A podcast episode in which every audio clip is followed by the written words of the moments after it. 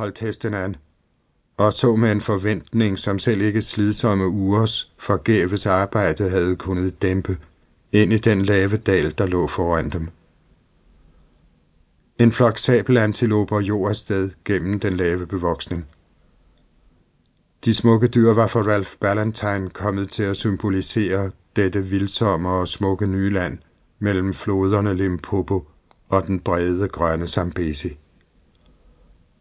Han vendte sig i sadlen om mod sin far. Nå, pappa, sagde han, genkender du noget i det landskab? Der er jo gået mere end 30 år, svarede Suga Ballantyne efter tænktomt, og jeg var dengang hundesyg af malaria.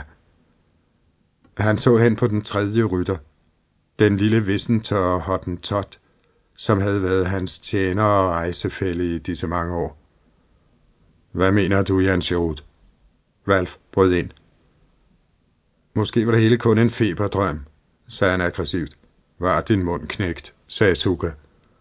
Red du hellere tilbage til vognen og holde kvinderne med selskab. Han trak den tynde kæde op af urlommen og holdt den hen for sin søns ansigt. Her er beviset. I en ring i kæden sad nogle nøgler, et signet af guld, en Sankt Christopher-amulet, en cigarklipper og en uregelmæssigt formet klump kvarts på størrelse med en moden drue. Den var af smuk blå farve, og i dens midte var indlejret en klump rødgult metal. Ægte guld, og det ligger i jorden og venter på os, blot vi kan finde stedet. Det var kun min spøj, pappa, sagde Ralph. Du kan da nok regne ud, at jeg ikke ville ofre uger af min tid på dette her, hvis jeg ikke troede på sagen. Jeg har jo nok at gøre med jernbanebyggeriet og en halsnis andre store ting. Men måske står vi i dette øjeblik lige over det guldførende lag. Måske ligger det på den anden side af den næste højde ryg. Udtrykt anderledes. Måske finder vi det i løbet af den næste time. Og måske kan vi søge forgæves i ti år til. Jan Sirut i akt tog de to mænd i tavshed. Ralph var nu i sin bedste alder lige 30, og vant til at styre de hundreder af barske primitive mænd, der var ansat i hans transportvirksomhed og entreprenørforretning.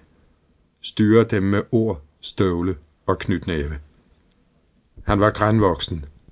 Holdningen rank og myndig. Men Jan Serut havde en anelse om, at hans far stadig ville være ham overlegen, hvis det skulle komme til yderligheder mellem dem. Matabelefolket havde i sin tid givet Suga Ballantyne hædersnavnet Bakela, som betyder den knyttede næve. Og han var stadig hurtig og i fysisk topform. Jan Sirut tænkte, at Suga ikke så ud, som om han var gammel nok til at være Ralphs far. Huden var for ren og urynket, blikket for skarpt og hurtigt, og den svage antydning af sølv i det rødgyldne skæg kunne meget vel tænkes kun at være en følge af den voldsomme afrikanske sol.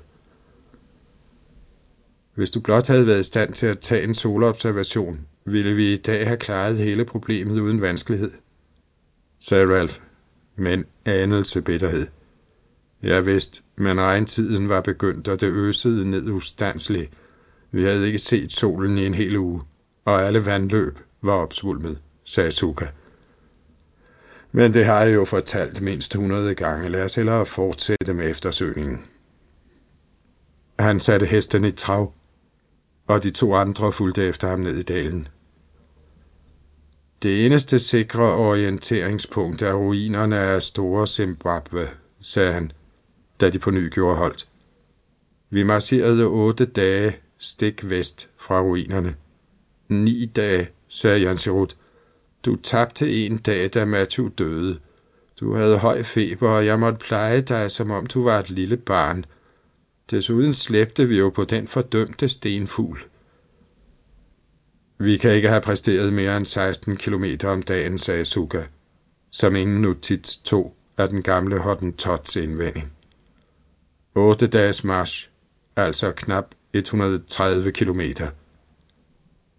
Og der ligger Zimbabwe, i stik østlig retning, og vi kan nu se Sentinel.